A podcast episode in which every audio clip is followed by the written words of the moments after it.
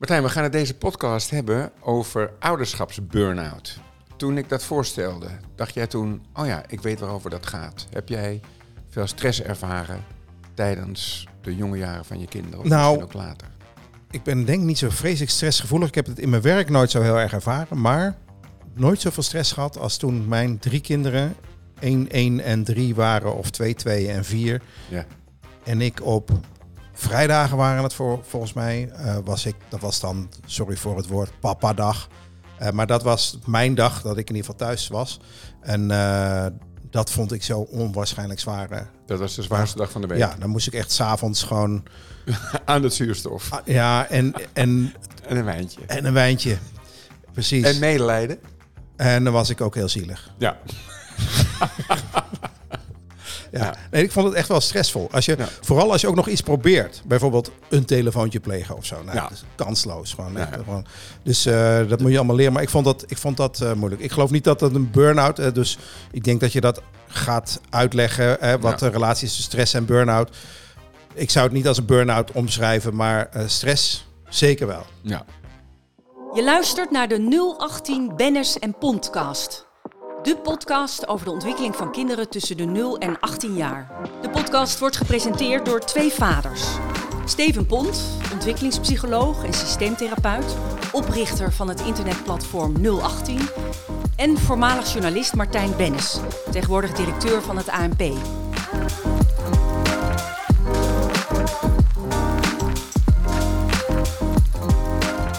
En je hebt er vast ook een mooie quote bij gevonden. Ja, het is niet zo moeilijk om over stress of overspanning een eh, quote te vinden. Eh, ik kan eh, helaas niet de, de bron achterhalen, maar oh, ergens op Pinterest stond...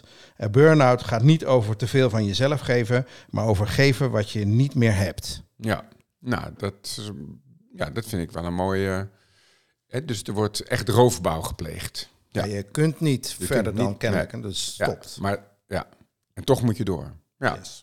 Ja. Alright. Ehm, we gaan het dus hebben over ouderschapsburn-out. Dus dat is de, de, de, de vergevorderde versie van, van die spanning, die stress die ik voelde.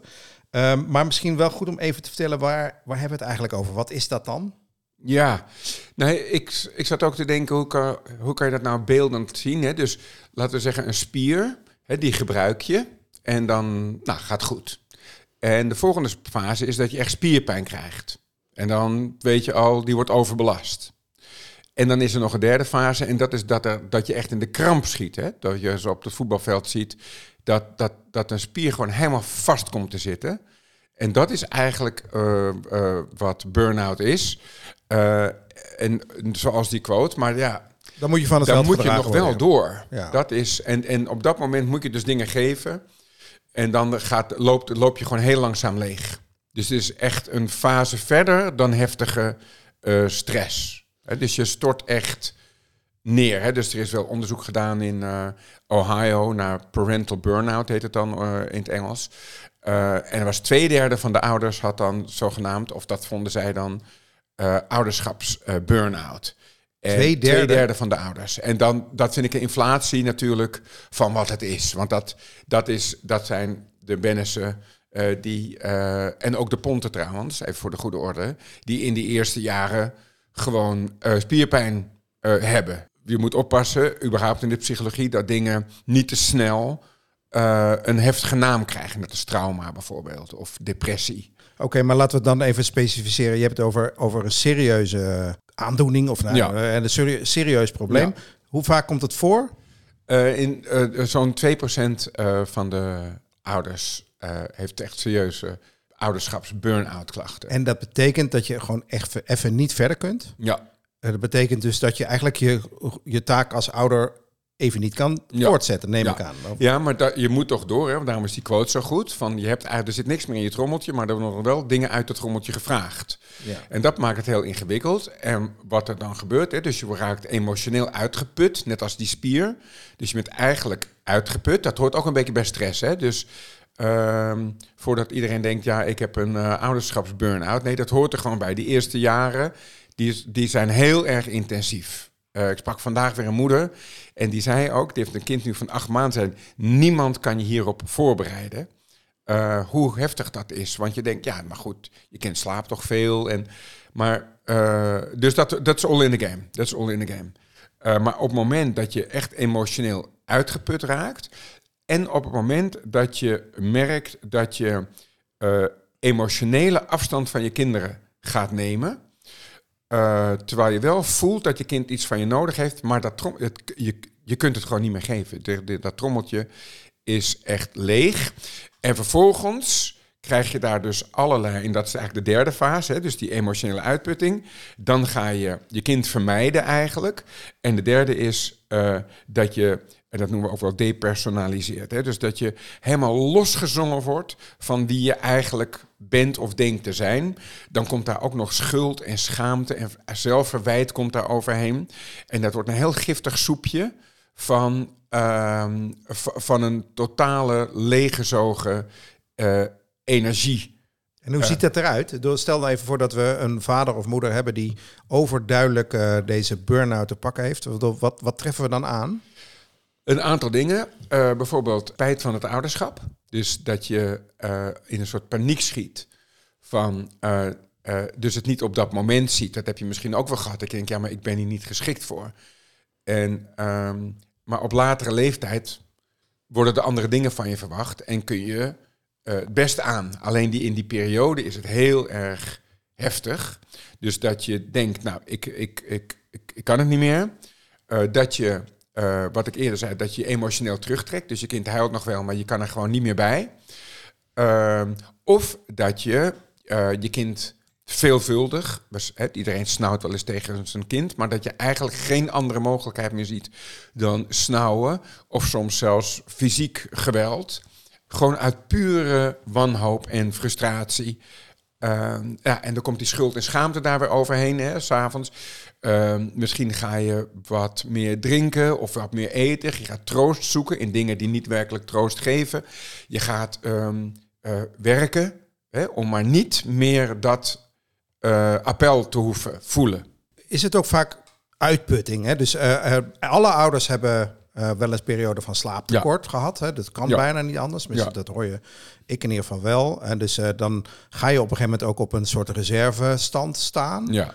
En als die door je reserves heen Ja. bent, door de, eh, is, is het vaak slaaptekort bijvoorbeeld zoiets? Dat, dat zijn, hè, dus het is ook een, een slaap is de basis van alle geestelijke gezondheid. Je, hè, nou ja, laat iets minder. Geen slaap in ieder geval. een Geen probleem, slaap, ja. ja, dan, eh, dan, gaat het, dan, dan kan het snel gaan. Maar het is echt burn-out. Als ik denk niet dat in die tijd ben jij niet gestopt met zorgen voor je kinderen. Dus dat je wist van, nou, ik moet nu eigenlijk dit doen, maar het, het, en dan, dan zit je echt, dan, dat is echt een burn-out. Dus je kunt je wanhopig gevoeld hebben, maar burn-out is wel echt dat trapje verder, die kramp, dat het gewoon vast gaat zitten.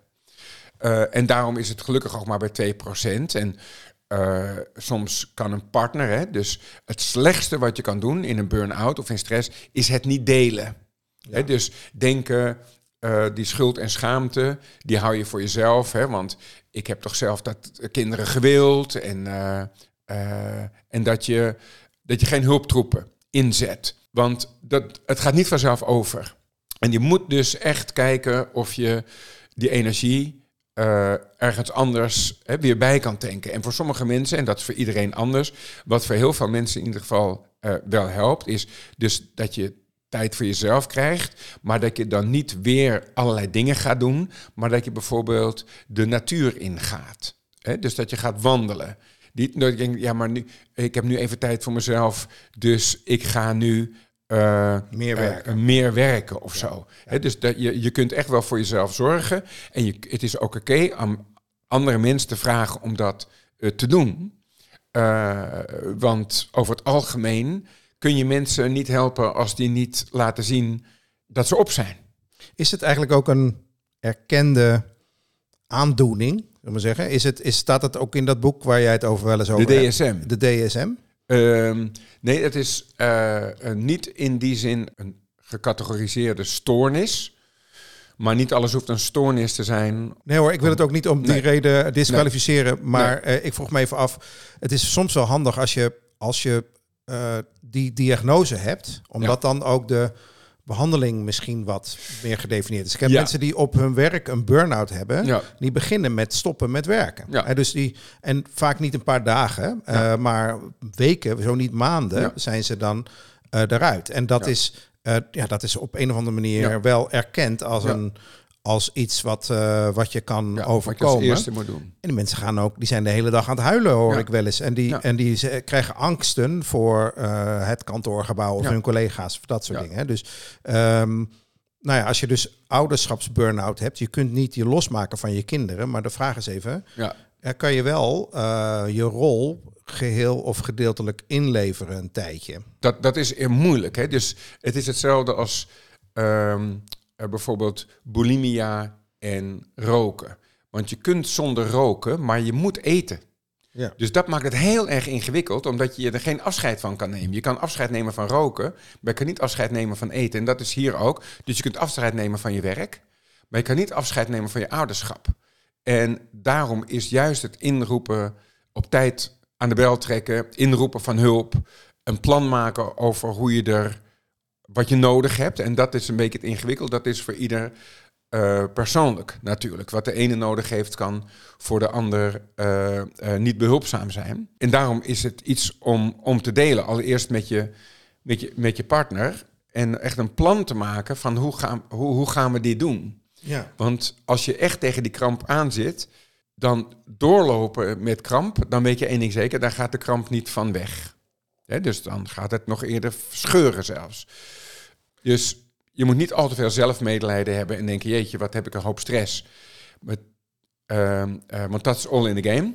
Maar als je echt voelt, wat ik net zei, hè, dus dat je de zorg van je kinderen niet meer op kan brengen, dat je spijt krijgt, dat je ontsnappingsfantasieën krijgt van, maar wat als ik nou gewoon ga scheiden, bijvoorbeeld, of als ik eh, gewoon in de auto weg en eh, ik wil niks meer mee te maken hebben, dat zijn wel echt allemaal symptomen dat je, eh, dat je, nee, dat het tijd Ja, wordt om het aan te pakken. herkenningspunten. Hè? Dus, eh, en, en dan, en jij zegt ja, de hulptroepen, die moeten dan uit je sociale omgeving komen Ja. meestal. Hè? Want ik denk niet dat er hier professionals voor zijn. Of wel? Nou, er zijn ook wel weer therapeuten die zich daarin hebben gespecialiseerd. Ehm, maar over het algemeen zullen de dingen van je weggenomen moeten worden. En dat kan een therapeut natuurlijk niet doen. Dus bijvoorbeeld dat, eh, nou, dat grootouders wat een, een tijdelijk even wat meer inspringen, of vrienden of vriendinnen tijdelijk wat meer eh, inspringen. Dus die therapeut kan je helpen je weg te zoeken, maar die kan je niet in die zin ontlasten.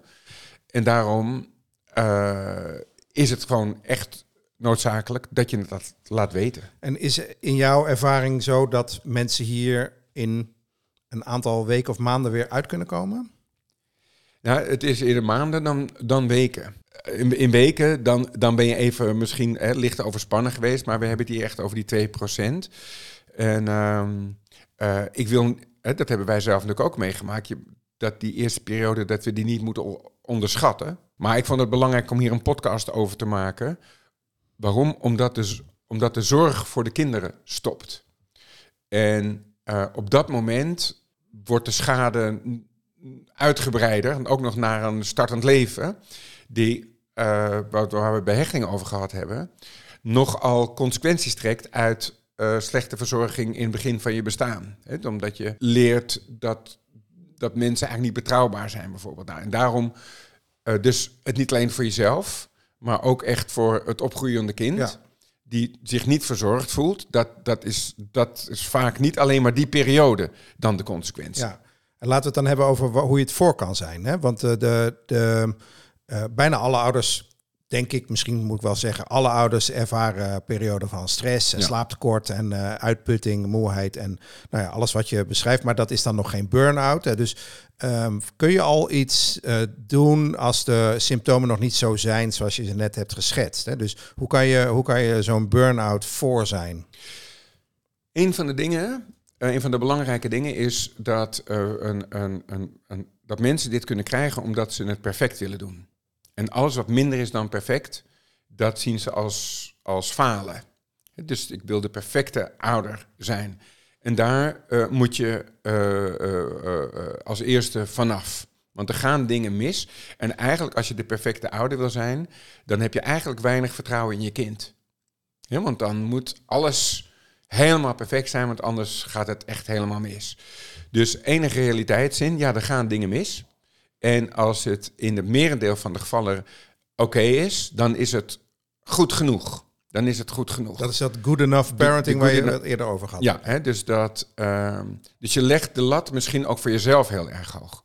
Daar komt ook bij dat mensen eh, op alle gebieden perfect willen zijn. Dus ze willen en de perfecte werknemer, maar ook, nou, dat is, maar ook nog de perfecte vriend of vriendin. En perfect, dus het is dat je je persoonlijke grenzen eigenlijk niet zo goed kent. Dus het is als een eh, vriend of vriendin een appel op je doet. En je voelt dat dat uit jouw reserve moet komen. Dan is het niet verkeerd om wat op de rem eh, te trappen. En niet te denken dat je daar ook nog moet leveren. Want het is ook altijd een balans tussen ik moet meer geven dan ik te geven heb. Daarom is die quote zo goed. En daar ben je zelf wel bij. Dus het is je persoonlijke grenzen kennen eh, en daarna luisteren. Ehm, en dat niet als, een, als falen zien of als, als iets dat je een naar mens bent als je je grenzen trekt. Je moet gewoon goed voor jezelf eh, zorgen, met name in die, in die eerste periode. Ja, dat is, ik moet even denken aan, eh, aan, aan iets wat ik eigenlijk al mijn hele leven eh, huldig. Namelijk, eh, het perfecte cijfer voor mij is een 7,5 of zoiets. Eh, want eh, alles wat je daarboven wil scoren, het is een beetje metaforisch, hè? maar het kost zo onevenredig Ja. veel meer energie. Hè? Dus Ja. een 9 halen, een 10. Ja. Zoveel meer energie, terwijl het gewoon goed genoeg is. Hè? Dus, Ja, en het gaat misschien ook ten koste van iets anders. Ja, nou, onvermijdelijk. dus- want je hebt maar één keer tijd. Hè? Dus eh, dat, dat perfectionisme vind ik echt een, een, een gevaarlijke. Terwijl het ook, ik ook wel snap dat die mensen een goede functie hebben. En misschien is ouderschap dus ook wel goed als je aan de veilige kant van goed wil, Zeker. wil zitten. Ja. Maar de, die stress en de, de, nou ja, kennelijk ook de burn-out die daar Ja. achter vandaan kan Ja. komen. Ja, Dus maar voor elke burn-out Ja. is natuurlijk een zware periode van stress. Ja. En dat is waar je nog kan sturen. ja. Dat is nog waar je kan sturen. Nou associeer ik eh, die stress dus vooral met jonge kinderen. Hoe zit het met burn-out van ouders met bijvoorbeeld pubers? Komt ja, dat- daar komt het ook voor, wel minder. Ehm, ook omdat de, de, de zorg wat minder is natuurlijk. Maar de zorgen, die zijn daar natuurlijk wel vaak groot. Eh, maar echt dat je, eh, dat je in de kramp schiet, dat komt daar veel minder voor. Om, nou, om die reden dat je, je kunt wat meer afstand eh, nemen. Hè? Dus dat je totaal niet meer functioneert, dat je de, maar het komt voor. Het komt voor. Maar we zien het wel vooral op die, op die hele jonge leeftijd. Ook omdat je hebt een vrij vrij bestaan, zou je kunnen zeggen. En dat in, in één dag, namelijk op de dag van de geboorte van je kind, kantelt je leven totaal. En daar is, zoals eerder gezegd, weinig voorbereiding op mogelijk. Ehm, nou, en sommige mensen zijn ook wat gevoeliger daarvoor. Of ehm, sommige mensen die wat minder tevreden zijn over hun eigen opvoeding denken, ja, maar ik ga dat bij mijn kind. Ga ik bijvoorbeeld aan mijn ouders laten zien hoe het wel moet. Dus die hebben een soort Champions League opvoeding in hun eigen hoofd, dat perfectionisme. Ofwel voor zichzelf, ofwel voor de omgeving. En dan blijkt uiteindelijk hoe weerbarstig het, eh, het, het, eigenlijk is. En het, de, pluskant daarvan is dat het soms dan ook de relatie tussen de ouder en de opa en oma, dus de eigen ouders, verbetert omdat een, een, een kind dat zelf vader of moeder wordt, dan eigenlijk pas doorheeft eh hoe, hoe ingewikkeld het kan zijn. En Ja. met veel meer mildheid kijkt naar de eigen ouders. Als er een zwemdiploma zou zijn voor opvoeding, zou jij daarin een onderdeel opnemen? Stress, huishouding, omgaan met stress, dat soort. Ja, ja. en eh, eh, het herkennen en eh, de, de, het uitgaven van de kanalen wat je dan nodig hebt. En daar niet te terughoudend in zijn. Want hoe langer je wacht, hoe meer natuurlijk ook nodig is.